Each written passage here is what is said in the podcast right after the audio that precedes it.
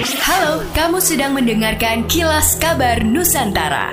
Podcast persembahan KG Radio Network menyajikan berita harian yang mengangkat keunikan dari berbagai wilayah Indonesia.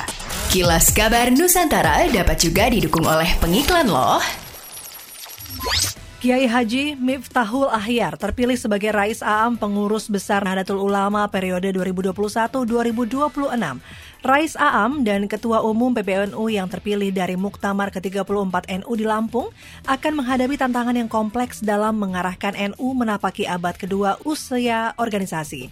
Setelah Rais Aam terpilih, maka agenda Muktamar akan dilanjutkan dengan pemilihan Ketua Umum PBNU. Pemilihan Ketua Umum PBNU dilakukan dengan musyawarah mufakat.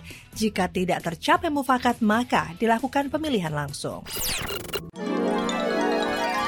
Katanya sih kesempatan nggak datang dua kali. Lewat obrolan singkat ini, kita akan mengingat kembali pengalaman sekali seumur hidup yang unik, susah dilupain dan mungkin nggak akan datang dua kali. Siapa tahu, momen nostalgia ini bisa jadi pelajaran hidup yang reflektif sekaligus bahan hiburan. Di bawah santai aja sambil dengerin Daniel dan... Sesa di podcast Momen, Satu Kali.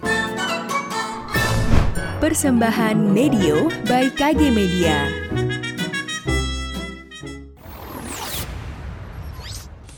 Tang Wali Kota Surabaya keluarkan surat edaran atau SE saat Nataru. Beberapa poin penting dalam SE di antaranya tentang pelaksanaan perayaan Tahun Baru, maka jam operasional pusat perbelanjaan dan mal dimulai pukul 9 hingga 22 waktu setempat, termasuk melakukan pembatasan dengan jumlah pengunjung tidak melebihi 75% dari kapasitas total pusat perbelanjaan dan mal, penggunaan aplikasi peduli lindungi, serta penerapan prokes lebih ketat. Juga diminta meniadakan event perayaan Nataru di pusat dan mal kecuali pameran UMKM.